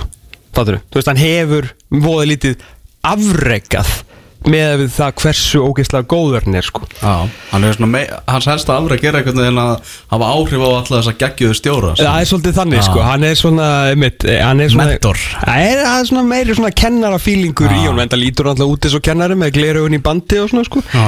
Þannig að hérna, hann er svona, einmitt, var aðeins að stinga á þessu kýli við einn eh, Hann er mjög duglegur að svara að fólki á Twitter og sérst kvótri tvítar alltaf til til að halda uppi umræðu. Hann er, mjög, hérna, hann er mjög gaman að fylgja uh, stangkólumara á Twitter einmitt út af því. Og hérna, þetta er svona ég veit að svona Leeds náttúrulega liðar verða náttúrulega brjálæðir að heyra þetta þar sem að Marcelo Bielsa náttúrulega bara á, á Leedsborg og hann náttúrulega hann eh, sko uh, það eru, hann hefur unnið fyrir utan þannig að þú verður ekki Íslandsmeistari í bjödild sko, þú verður ekki Englandsmeistari í bjödild þú, bara kem, vinnur bara bjödildina þú ert ekki, mm. ekki engin landsmeistari sko. Og hann uh, sko einu landstillaðir hans uh, unnuð sko 91, 92 og uh, 98 síðan uh, hefur hann eiginlega ekki unnið neitt sko. Ég er ekkert smá spenntur að fá hann í í ég, ég, er elska, ég er kannski samt, ég er meira spenntu fyrir tólkinum Já, nákvæmlega. Þú veist, ég hlakka mikið til að fá hann sko. Hann er bara skipt um túlk samt Skipt um Ha? túlk á miðju tímabili? Já, ég veit ekki hvað gerist þar Maður þarf eitthvað að kafa ofan í það. Já, en allan að þetta hérna svona að því að eh, bara ég sá þetta tístinnum leið og Jason Tindall var, var tilkynntur á, á Sky Sports og Twitter og þá sagði Stan Colmore Of course they have. Já, er það búið að gefa tilnefningar sem eh, fyrir besta leikmann tímabilsins í ennsku úrvalstildinni Það eru þrýr frá Liverpool tilnefndir Það eru Trent Alexander-Arnold Sadio Mane og svo Jordan Henderson sem er kannski hvað líklegastur Einnig Danny Ings og Nick Pope Þetta er svona skemmtilegt bara svona skemmtileg rósi hnappagatið fyrir, fyrir þessa góðra sem áttu mag magna tímabil. Uh, Jamie Vardy einnig og svo er það Kevin De Bruyne sem að uh, er einnig mjög líklegur í þessu, þessu vali. Já, uh, leikmenn kjósa. Stjórnan Henderson vann blamin svo pælið maður í hvort að leikmennir taki svona sama pólinn í hæðina að hann sé svona einhvern veginn hvað var að segja svona forsvarsmaður þessa leifupólis og fáið þetta út af því? Eða hvort að leikmennir hugsi bara besti fótboltamæðurinn í Premier League er Kevin De Bruyne? Þú veist það þarf ekkert að fletta eitthvað mörgum blöðum um það, þú veist hann er bestur sko, hann er spurning hvort að leikmenninni fari eftir bara, þú veist, talent og það sem hann gerði náttúrulega, jafnaði stóðsningameiti hjá Týri Henry og skoraði einhver glása mörgum heldur og svona var bestur við, í fótbolta á leiktíðinni þráttur að Jordan Henderson hafi kannski svona gert meira ef þannig má orðið komast. Nákvæmlega uh, Jörgen Klopp tilnættur að sjálfsögðu sem stjóri tímabilsins og hann vinnur það alltaf. Heldurðu það? Já, ég held að Það er Chris Valder, getur tekið það? Nei, ég var að tjóka, sjálfsög vinnur hann Og Frank Lampard og Brendan Rodgers einnig tilnættur Já, það verður bara Klopp all, alla daginn. Já, svo ég ekki gleyma því að það voru tveir vikingar á faraldsvæti halda áfram að að gera stormandi lukku í, í, eh, í breska boltanum. Já, uh, fyrirhandi fyrirliði Darby sem að lendi nú í smá brasi þarna hjá Darby undir lokin. Fyrirhandi miðveru vikings Richard Keo hann er komin í MK Dons fór nú reyndar niður í sételdina eftir að hafa verið fyrirliði Darby hérna einhvern áratug. Hvað var hann ekki, var hann ekki púpa og svo að keira og fótbrotnaði og eitthvað? Það var eitthvað smá brasa á honum. Uh, Enn og aftur Enn og aftur til að minna það Þegar hann kom hérna 18 ára gammal Hvað, 2004 að, eh, Þegar að eh, Já, Árn Óskar Þorvaldsson Fór hinum með yfir borðið Og hérna, og var uh, skrifaði hann einmitt um Richard Keo eins og ég hann áður minn stáð Mér finnst alltaf gaman að reyfi upp þessa setningu. Líka gott að reyfi upp það að Óskar Raff var Hörku blaðamaður og, og lét, svona, lét skoðanir sinnar oft í ljós. Já, sem hann nú að hlusta núna mikið á sjálfur.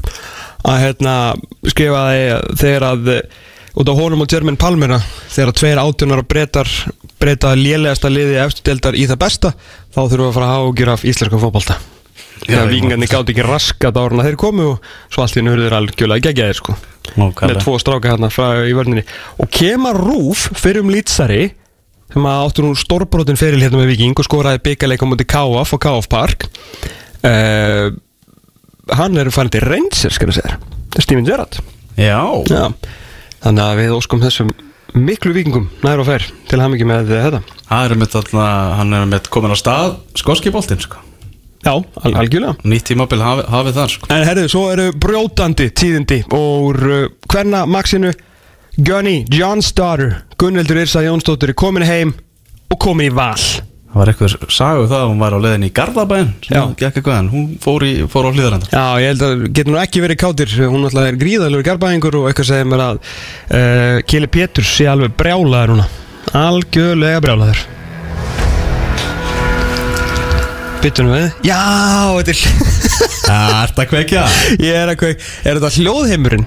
Þetta er hljóðheimur íslenska landslýsins Já, týna okkur aðeins í hljóðheiminum.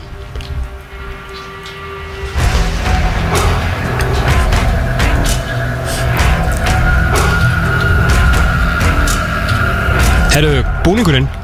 Er hann ekki að fara í sölu í nótt eða? Já, er það þannig? Ég held að forsala á treyjunni sé að hefjast bara á miðnætti eða eitthvað sko Jú, ég myndi bara að leysa þetta á fótbolti.net En talandi um landslýstreyjur, landslýsmenn og landslýstjálfara Á línni er aðstofa landslýstjálfarin og stórvinu þáttarins Freyr Alessandursson, heil og sælunur Sælunur, Hvað segir á þetta? ég segi bara, já, þetta er neitt, þú ekki að segja það? Já, ekki meira Nei, ég, sko, ég hefði samt ágætt okkur núna, sko. Já, já, það er gott Ég áttur betri. Eins og við allir held ég sko. Já, er, Við vorum að tala við Pála Kristjáns aðan að svolítið um áhrif uh, korona og COVID uh, á, á liðin hérna í landinu og það náttúrulega sjálfsögðu hefur kannski líka bein áhrif á, á þig og, og strákan okkar en kannski ekki beint hvað varðar liðin það mikið en hvað svona, hver er bara einn opnasta spurning sem þú kannski fengi, hver er svona svolítið staðan á bara þessum leik og, og strákonum og öllu bara núna þegar það er tapið 30 dagar í þetta Staðan á, á leiknum móti Englandi, ef við tökum það saman, England og Belgia, mm er leikin er í september. Léttir leikir? Já, já, þið voru nú, ég var nú hlust á þannig síðustu tíu myndur hjá okkur og voru tönduð upp bestu leikmann í Premier League. Það voru leikmann sem við erum fara að spila við. og hey, það er bara gaman og lögum til að takast á það Eh, staðan er þannig að fundur á, á fymtudaginn með UEFA þar sem að, að það kemur fram að leikurinn, leikinu munur fara fram. Ok, og því hefur alltaf ekki verið breytt hingað til og maður veit samt náttúrulega aldrei að það gerist fljótt í þessu blessa heimi sem við lifum í núna. En, en uh, þeir voru nokkuð staðránur í því að, að alansleikinir munu fara fram. Uh, hins vegar ef að, að landamæri eru lokuð þá, þá þarf að finna leikstað ef ég skildi þetta rétt utan þess land sem að landamærin eru lokuð mm. Uh, þannig að já, landamærin okkar eru ekki lokuð eins og er og það virðist vera allavega á meilandi Európu þá virðast íþróttarhefingarnar finna lausnir á öllu Mhm. þannig ég, ég, ég sé ekki fram á neitt annað en að við sem bara fara að spila til dæmis í Belgíu í hérna 8. september og, og vonandi álega þetta svolítið þann 5. já, á móti einlendingunum já Ok, en það er náttúrulega, þú veist Það er náttúrulega, en, en þú veist tveggjumættara reglan, þú veist, allir að hvað- þarf hún ekki, það þarf að vera vantilega búið að afnuma hana, þannig að íslenski bara yfirvöld leiði henni að leika, ekki? sko með að við það sem að var vitna í frá heilbreyðisraðanetinu núna varandi fótboltar sem er spilaður hér á Íslandi Mm. þá jú þá, þá, þá er það fannig en með að við það að við erum í alþjólu umhverfi og allstaðar annarstaðar er spilaður fótbolti. Mm þá trúi ég því að það verður fyndin lausn á því að það sé hægt að spila þennan landstakirna 5. september og ég reyndar, þá ætla ég að sé að reyna að fórast eins og heita en eldin að blanda mér í, í þessa pólitík og umveru vettvangi því ég mun bara koma mér í er það, er, það þannig ég, ég trúi ekki á það en að, að sé hægt að, að finna lausnir á því að lifa með veirunni eins og okkar besta fólk sé, er búið að segja -hmm. og, og, og hérna spila íþróttakappleiki og, og stunda íþróttir og líka sagt en eh, nú er ég farin inn á hættilagsluður, nú ætlum ég að bakka. Nei, endilega, bara uh, reikspóla áfram. Nei, ég, ég þekki alveg sko, þú reynir. En þetta, ég, Þannig ég held að leikunum fara alltaf fram. Já, ég, ég, ég, ég trú ekki á það, ég leiði mig bara að vera jákvæður og allar okkar undirbúningur miðar á því. Já, en sá undirbúningur er það flóknasta apparat sem ég hef tekist á því ok. Það er nú bara þannig. Þetta verður langt frá því að vera eðlilegur eðlilegi landsleiki núna haust sem fara fram. Þetta er, þetta er mikil búbla sem dýja sig inn í. Já, og uh, svolítið líka einhvern veginn að fylgjast með uh, fylgjast með strákunum, þeir eru nú kannski svona flestir, hvað, að, að spila eða fara aftur að, að spila er náttúrulega reyðlegast auðvitað, reyðlegast öll mót þannig að þetta, það er eitthvað sem hjálpar ekkert í undirbúrinu en auðvitað hinliðin í, í sama pakka þar að sjálfsögðu. Já, já, og strákanir eru flestir í einhvers konar búblum hér og þar heiminn. Já, En eins og þú segir, þá er það á misjöfnum stöðum, það það riðlaðast öll tímalína, fótboltinn er nú þannig algjörlega settur upp að þetta er á, ákveðin rytmi í, í þessu fútbolkalander. Að þetta er með sumadeldi eða vetradeldi, þetta einhvern veginn fór allt í kásu já, og þannig að menn er, menn er á misjöfnum stað, við erum til dæmis með, ef við horfum bara á Aron Einar í Katar, þeir fóru nú bara stað fyrir tveim vikum og hann, hann klárar sem sé mótið sem fór á stað 2019-20 mótið núna 21. ágúst. Þá kemur óákveðið hlýja já, og svo, svo hérna byrja nýtt mót. Þannig að meðan að við erum kannski með strákana í Þýskalandi aðlilegasta fasanum þú veist, þeir eru bara á prísi sem núna eru að fara að byrja mót og, og svo veist, er þetta bara já, alls konar í rauninni. Þú veist, skandinavarnir síðan er að spila eh, ég tala um þeir sem spila í Svíðu mm, meina að þeir, þeir sem spila í Danmörku eru akkurat núna í fríi er að fara að byrja prísi þannig að þetta, þetta er alls konar. Já og bara vantilega mjög lett að fylgjast með þessu og svona það var hérna tímabila sem allir voru að spila meira þess að við hérna heim í Íslandi. Það var rosalega gaman. Mjög mikið að fókbaltaleikjum Hvað varst að horfa á marga leiki þá svona í viku kannski? um, ég myndi segja svona 10-12 leiki. Já, já, já, það er nú alveg gerlegt. Já já, það var alveg gerlegt sko. Uh, en, en mismundi skemmtilega eins og gengur að gerast í Jú, jú. en, en, maður reynir að já, já, en, en margt mjög skemmtilegt í gangi en, en við erum líka á þeim stað núna við erum að fylgjast með rosalega mörgum leikmönnum miklu, já, tölvöst verri en, en svona eðlilegu árferði bara út af öllum óvissu þáttum mm -hmm. og svo líka út af við þurfum að horfa aðeins til lengri tíma heldur en bara umspilsleikur í oktober sko. Við megum ekki bara fest okkur í því að við séum annarkvort að fara á stórmóti eða ekki á stórmóti þegar við erum með plan fyrir hverju tveggja sko. En hvað hérna, en er, veist, er þetta ástand og, og svona uppsetningin á uh, þjóðadildinni með auðvitað þessum uh, umspilsleikjum hann ofan í það, er þetta að breyta bara heldar myndinu og heldar planinu ykkar fyrir framhaldið upp á bara vala á, á leikmönum, þú veist, þú veist A skilur að halda í horfið kannski eins og hægtir sem er kannski erfitt því að þetta ástand er kannski ekki að hjálpa okkar eldri leikmönum, við tala ekki um að þeir verði kannski ekkert mikið búin að spila þú veist, hvort sem heldur í því og B er náttúrulega að fara að introdúsa einhverja nýja stráka líka Já, þetta, er bara rugglar í reynu öllu sem að við myndum tala, sem að tala um að vera eðlilegt ástand mm -hmm. þetta gerir það uh, það er, er þannig að við erum auðvitað fyrst og fremst með fókusin á því að koma okkur á á þetta Európa mót en við erum með tvo leiki í september sem við horfum á til undirbúnings fyrir það. Mhm. það er langt síðan við höfum spilað með með aðliðið okkar í landsleik. Þannig að þessi leiki í raunmöndi í Englandi og, og Belgíu verða að nota svona til þess að finna einhvern rithma aftur. Um, og koma okkur saman. Uh, það þýðir það að, að kannski minna um einhverja tilrauna starfsemi þá er ég að tala um þessa veist, yngri leikmenn sem að fara að hendi djúbulun að kannski passar ekki alveg afturðin í þar. Nei, en svo koma, koma leikir eftir umspilsleiknum. Tveir leikir þar sem að mögulega er hægt að að rótera meira og prófa hluti.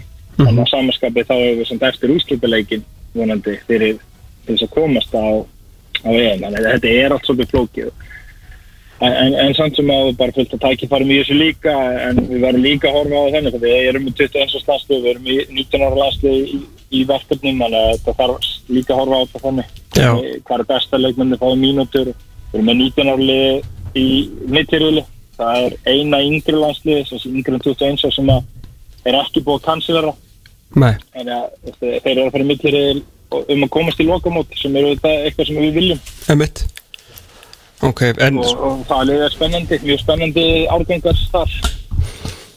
Síðan er þetta hérna, einmitt, uh, eins og þetta sett upp líka vandalega sem þið þurfa að horfa til bara strax núna og fara svona að setja upp allan einhverja beinagrind að, umspilsleikurinn er spilaður ofan í ofan í þjóðadildina það vantalega svona þetta er þetta svo sem 105 68 og sem er strákarnir og allt það en, en það er gríðalegu munur á því sem að gæti verið og verður undir þessum tveimur leikjum þáttur að sé stutt á milli þeirra?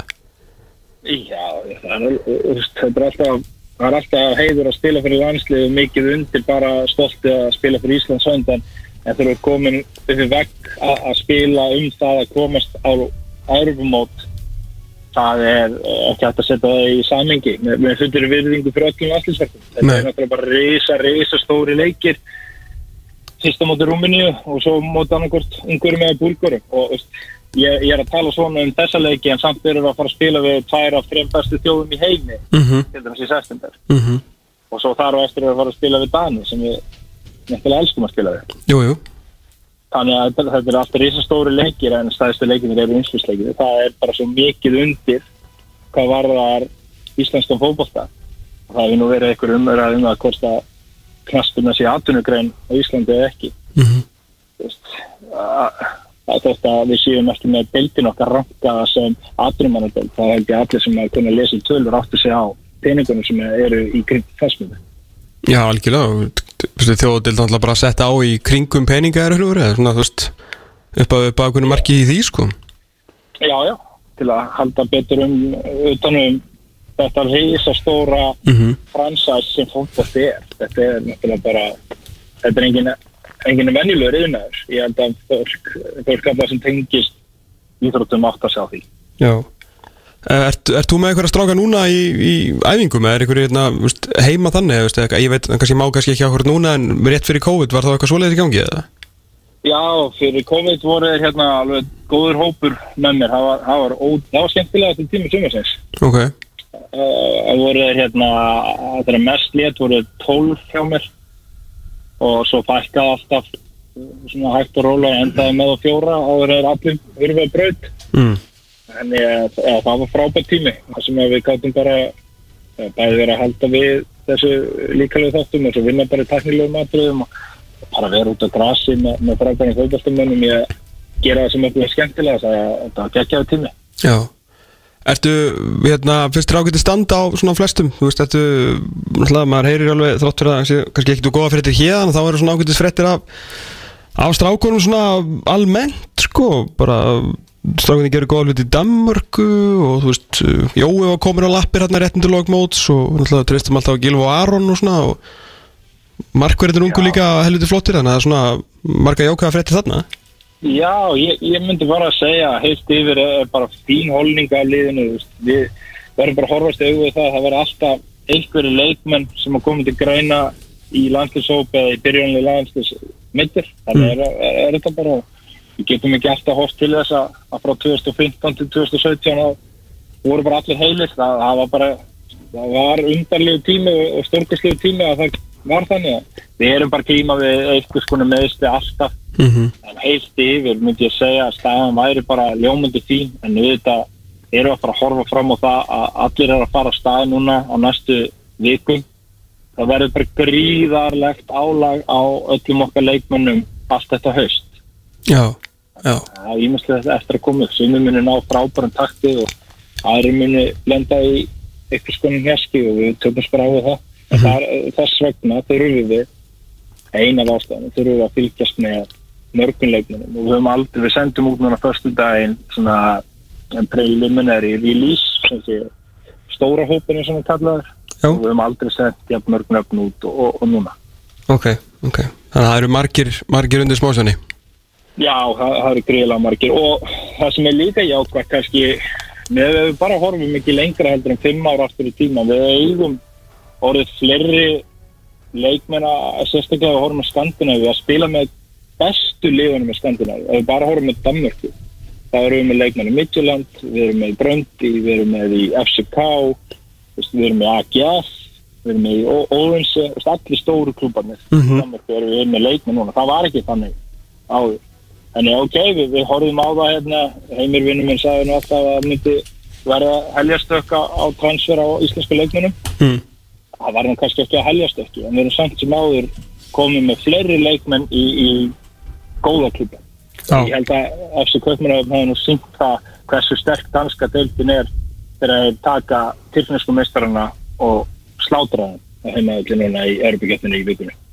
Já, og bara mjög samfærandi sko mjög einmitt. Já, já ekki, ekki amalett Freysi, bara þetta verður vantilega að vera mjög áhugaverir hvað, 27 dagar eða eitthvað viðbútt fyrir þig?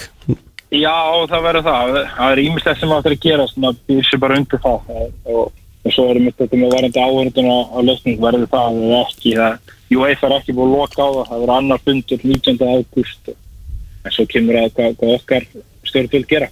Já, geggja að býða allt okkar fótbolta lífi eftir englendingum og svo má engi mæta Já, þetta er, þetta er ótrúlega sorglegt og leiðilegt en þetta eru bara tímarnir sem við lifum á Tómi, bara Segðu. að brosa. Segðu, segðu gamli. Herðu, hérna er komið ný dúlla Já, það, eh, það er komið ný dúla.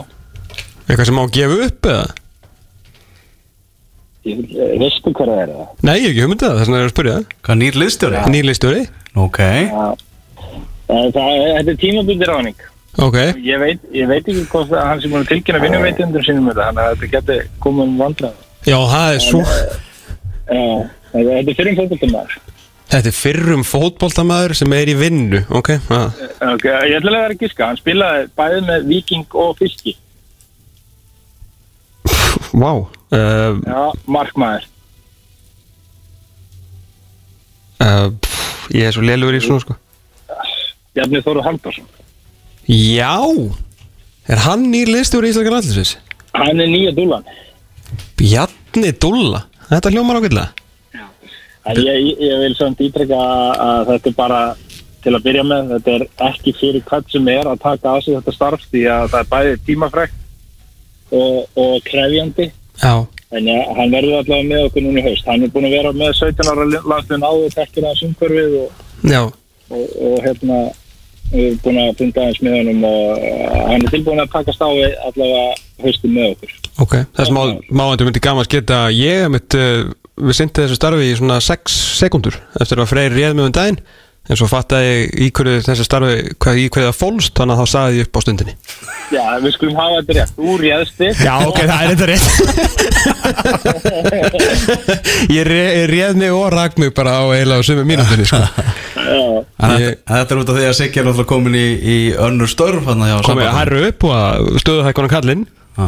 já, já Siggi er, er komin í að vera, hvað kallum að starfsmæður álandslis En ekki nýju kunni gilva bara Jú, við mátt orða það þannig. Hann, en það er eitthvað búið að að breyta starfstísíkunni ég, ég get nú ekki farið í dítela með það. Það- hreinlega því ég veit ekki nákvæmlega hvernig það er. Nei, við höfum aldrei engan áhuga að heyra. Ég að- að ég, pöngast í hennum með allt þetta sem ég þarf aðstum með. Og Já. hann stendur sér vel en alltaf, alltaf hlýr og góður hann Siggi minn.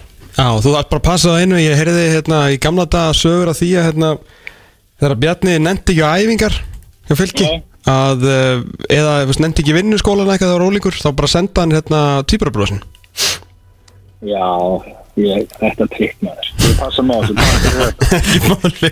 en Bjarni Þóra er annars algjör top maður og ljómandi markur á sín tíma. Herri frelsið ekki að tafja lengur í, í fríinu. Takk hjá fyrir að taka síman að minnstamáli Herri, bye bye Já, bye Bye. Bye Já. Freyr Alessandursson aðstofar landslýstjálfarið þarna á línunni. Það verið að grafa upp blöðarsvöllin Kitta að setja upp sprinklera kerfi Vögvunar græfur Ég held að það ætla að segja sprengjukerfi. Sprengjukerfi, nei. Herðu, þeirna til afmyggju með uh, nýjan gamlan löðarsvöll Nýr hlaupabraut fyrir, hvað kostar þetta? 200 miljónur eða eitthvað? Hvað? Og nýtt vökunarkerfi.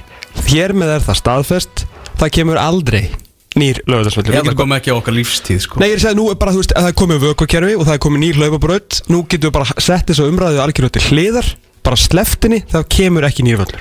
Já, nú þurfum við bara að reyna að læra að elska þennan völl. Já, það, ég er náttúrulega dyrkana völl, sko. Við elskum alltaf úslitin sem við erum að ná á honum. Já, algjörlega. Ég, Sko, ég, ég er mjög hrifin af þessu velli, sko. Ég, ég, þú veist, ástæðan fyrir ég er hrifin á honum Er að þeir liðin sem koma þeir eru svo óhrifin á honum, sko. Já. Þetta er vopn Ok, ég skal samt að að teka undir mér. Ég hrifnar af úslitunum sem við náum þessu velli heldur en vellinu sjálf Völlurinn er ókið. Já, þetta er alveg ríkalegu leikvangur.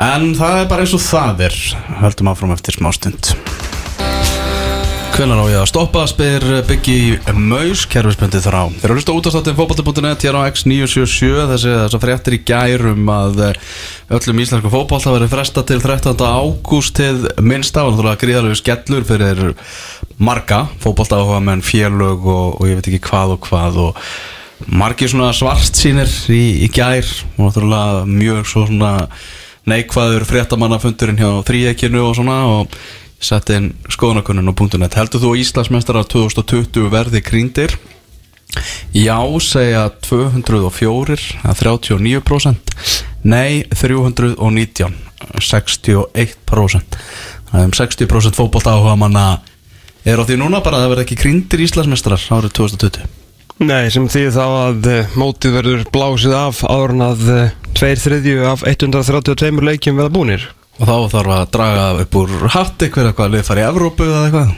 Veist, eh, þetta er Já, en ég, svona, eitthvað segir mér það ef þessi skoðanakurinn hefði verið sett inn kannski hefði gefið fólki helgina svona aðeins til að jafna sig þá eða kannski verið svona að ögn bjartara eða ekki? Jú, það er náttúrulega ef að það verða tveir þriðju búnir þá náttúrulega verða bara mestara gríndir sangkvæmt uh, meðal stegum og liðin í öðru þriðja og fjórðarsæti fara allir í Evrópu þar að segja því að ef að byggjarinn verður ekki ekki kláraður og hann náttúrulega er orðið svolítið olbúa batn og í þetta allt saman eins og staðan er uh, akkurat núna er ekki, ekki að hjálpa til. En hvað verður þú veist, ég fórum þetta að pæla í, í æfingunum, nú ert þú uh, Væntalega búin að fá einhver skilabóð og skeiti um það að lið sé að svindla á æfingum ef ég þekki Íslingar rétt. Klöguskjóðunar Já, já, það er komið að því. Ok, Eh, er ekki svolítið er búið að ákveða getur þú frætt með um það Mm. hvort segjum að hérna segjum að 13. ágúst verði bara gefið út, ég veit að verður ekki en það verður sagt við byrjum, hérna það verður hægt að spila 1. september og það verður tveggja vegna tvær vikur í pási viðbútt og það má byrja að spila 1. september en tveggja myndareglan verður á þanga til verður þá vika í viðbútt til þess að æfa eða byrja bara liðin 1. september eftir að hafa ekki æft saman í mánuði eða þú veist, er það eitthvað í þessu? Það er mjög góð spurning sko Ég er, þú veist Það þarf bara að byrja þetta sem fyrst En alveg rétt sem að Geir Þorstinsson sagði á Twitter Fótboltamenn eru náttúrulega ekki vélar Sem er hægt bara að kveikja og slökka eftir hendurleika sko Nei, nei, einmitt, þetta er ekki lett perur sko Nei, einmitt. Þannig að þetta er svona Þetta er bara fjölmörgum punktum sem þarf að, að huga að sko Þú veist, er ekki óvisa ástandið svolítið að neyða félögin í að uh, svindla á þessu já, fara fram hjá er lið að fara að spila leiki upp á margar miljónir í Evrópu og eitthvað sko Já, eftir, þú veist bara liðin, einmitt, eins og bara K.R. Breiðablík, F.A. og Víkingur sem er alltaf eiga vonandi, alltaf að fara að spila núna Evrópuleiki það er verið að senda þessi lið í leiki upp á 20 miljóna sem hafa gríðarlega áhrif á þessi félög bara upp á rekstra grundfull þessara félaga og gleymu því ekki eins og Magnús Agnar umbóðsmið að bendi á að þá hafa sko leikir þessara liða og velgengni íslensku liðina bara áhrif á skilur Európa-kefna næsta ári og árið eftir það, þú veist við erum komin í við 5. 7. neðsta sæti og kóa fyrstendlistanum sko, þú veist við erum bara að fara að drabbast niður á botninu við fyrir að, þú veist, við fáum engin stig per ár. Ah, ef við sendum liðin okkar út bara á þess að búin að æfa og við bara látum þurrka okkur út hérna uh, hvað annað ári í röð. Menn það var eitthvað búið að vera búið lítið um árangur uh, undarfærið og ekki svona ástandi núna að fara að hjálpa ykkur til þannig að uh, þú veist þú verður þá ef að- verður við að fara að senda liðin á þess að hafa eft fótbolta í leiki á móti liðum sem að A eru líklega betri heldur en liðin okkar og B eru að æfa íþróttina. Meðan við erum með lið sem æfir ekki íþróttina sem við erum að fara að spila í. Nei. Þetta er alveg, þetta er svo mikið bull maður. Þetta er agalegt ástand. Það er nú bara þannig. Og ekki var maður eitthvað mikið sáttur að heyra þessi orð palla á hann og hvað, hérna, hvað stendur í þessu, þessu minnisblæði sko, þannig að bara mann svona mann er líður svolítið svona eins og sé bara verið að líta á fótboltan eh, eða bara íþróttan, kannski aðalega fótboltan hann náttúrulega er sá, svo íþrótt sem er í umræðinu núna því að hún er íþróttin sem er í gangi skilur en það er svona virkar svolítið eins og þeir sem er að senda þetta. Þetta minnisblad eru svona já já þú veist, þeir eru bara að leiki hvernig í fótboltastrákarnir. Þú veist, þetta er svona eins og það sé bara svona eitthvað bumbubolti sko. Já. Ah, Svona er þetta. Heyrðu, þarna, Ég fór aðan yfir um, þá sem eru tilnændi sem besti leikmaðurinn og besti stjórin í hans úrvasteldina á þessu tímabili Mm. En þeir sem eru tilnændi sem besti ungi leikmaðurinn þeir eru það nú sammeilegt að þeir voru allir einhvern tímann ungir allavega Já, það, já, já, það er mér að langt síðan ef voru ungir sem við hverju er það, sko. Þú vaktir aðtekla þess á, á, á Twitter skrifaði hérna leiðilegt fyrir Ræm Störling að vera ekki gjaldgengur sem besti ungi leikmaðurinn í premjuleik tíund ára í röð 2.25 ára tilnæmdir aldur er bara að tala Já, Jack Grealis eh, og Anthony Martial, báður tilnæmdir sem besti ungi leikmaðurinn. Þeir eru fættir hefur herrars ár 2005. Nei, nei, þeir eru fættir 95. Verða báðir eftir nokkra daga uh, ja, Antoni Martial í september og Jack Rillis held ég í desember þessi jólabann verða báðir 25 ára á þessu ári og eru gelgingir sem að besti ungi leikmaðurinn sem er náttúrulega út úr korti sko Já, við höfum svona á .net alltaf verið að miða svona okkar velun við uh, að þú sett gjaldgengur í U21 það er bara eina reglan sem að á að miða við. Og og meika bara mest sens Einföld og góð regla sko. Já, og þú ert ennþá gelgengur í síðasta yngra landslið, þetta heitir yngra landslið það hlýtur að vera efnilegu skilur og hérna en vissulega getur reynda verið 23 ára í því sko Já, nei, þið miðan alltaf bara við árið, skilju, ekki já. það að þú getur klárað keppnina eins og Egger Gunnþór og, og Bjarni Þó Viðarsson voru alltaf fertugir eða eitthvað þegar þeir fóru þarna á, þú veist, 88 mótilinn þegar þeir fóru á EM 2011, sko. En þeir voru 23 eða eitthvað, sko. En já, sjálfsög á bara með við það að þú sért 21 ásið yngri, eða þú gergengur í undir 21 áslagslið, en 20, 25, ég meina Rahim Stolling vann þetta í fyrra, sko, þegar hann var 25 þú veist, hann er bara einu ára gamall. Þetta er svo skrítið dæmi sko Þeir sem alltaf eru tilnæmdir að Trent Alexander Arnold, Jack Grealish, uh, Mason Greenwood, Dean Henderson uh, Anthony Martial, Mason Mount Christian Pulisic og Marcus Rashford. Já, Paldur Marcus Rashford og Manchester United þá var nú bild að greina frá því í dag að þetta svona virðist vera sem svo að eh, United sé að eh, svona missa Zetun Sancho bara úr höndu sér. Dortmund standa svo fastur á því að fá einhverjar einhverja fúlgur, fúlgur, fúlgur fjár fyrir hann. Og United uh, ætlar ekki að borga sérst, allar ekki svona mikið í einu þeir vilja fara sömulegðu fórum með Bruno Fernandes og borga svona uh, duglegar viðbótagreislur mm. ofan á sérst, eitthvað jú, vissulega myndalegt kaupverð. En uh, Dortmundamenn, þeir eru bara góðir á því og ætla, þá fyrir ekki bara að hækka launi hjá Sancho og Haldon Já, það var bara um tíma eins og bara Sancho væri bara nánast komin í United. Ég sá, sá hann að Haldur Martinsson og fleiri stuðnismenn Manchester United á, á Twitter bara byrjar að fagna. Já, og þetta var að gerast á sama degi það var að vera tilkynna um að Sanchez væri á leiðinu til Inter bara for good og, og Sancho mætur já Sanchez eru verstu kaup í sögu enn skúrastöldurnar er ekki bara hægt að segja staðfest var það?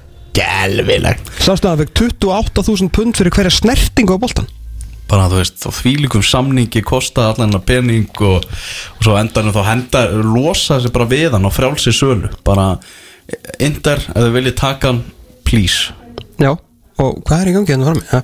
að partí á bylgjunni að partí á bylginu Her, Já, sko, málið er að hérna, þetta eins og atriði í Moneyball þegar að uh, Brad Pitt er að tala að það við gamla kallinn sem að koma frá New York Yankees ah. og hann segir svona hvað er, já, segir svona, hvað hérna hvað, þú sérst eitthvað sérstakur eða og segir, skilur aðal kallinn eitthvað "Pff, þú ert að borga með 7 miljónir dólar á ári ég hlýta að vera eitthvað sérstakur. Uh, nei. Uh, Yankees er að borga 3,5 miljónir dólara fyrir að láta þig ekki spila með þeim. Þeir borga sérst helmingin á launuðinum þannig að þú ert ekkert svo sérstakur sko. Og það er veru sem United er að gera við Sanchez, þeir eru bara borgunum fullt af peningum fyrir að bara drulla sér burt sko.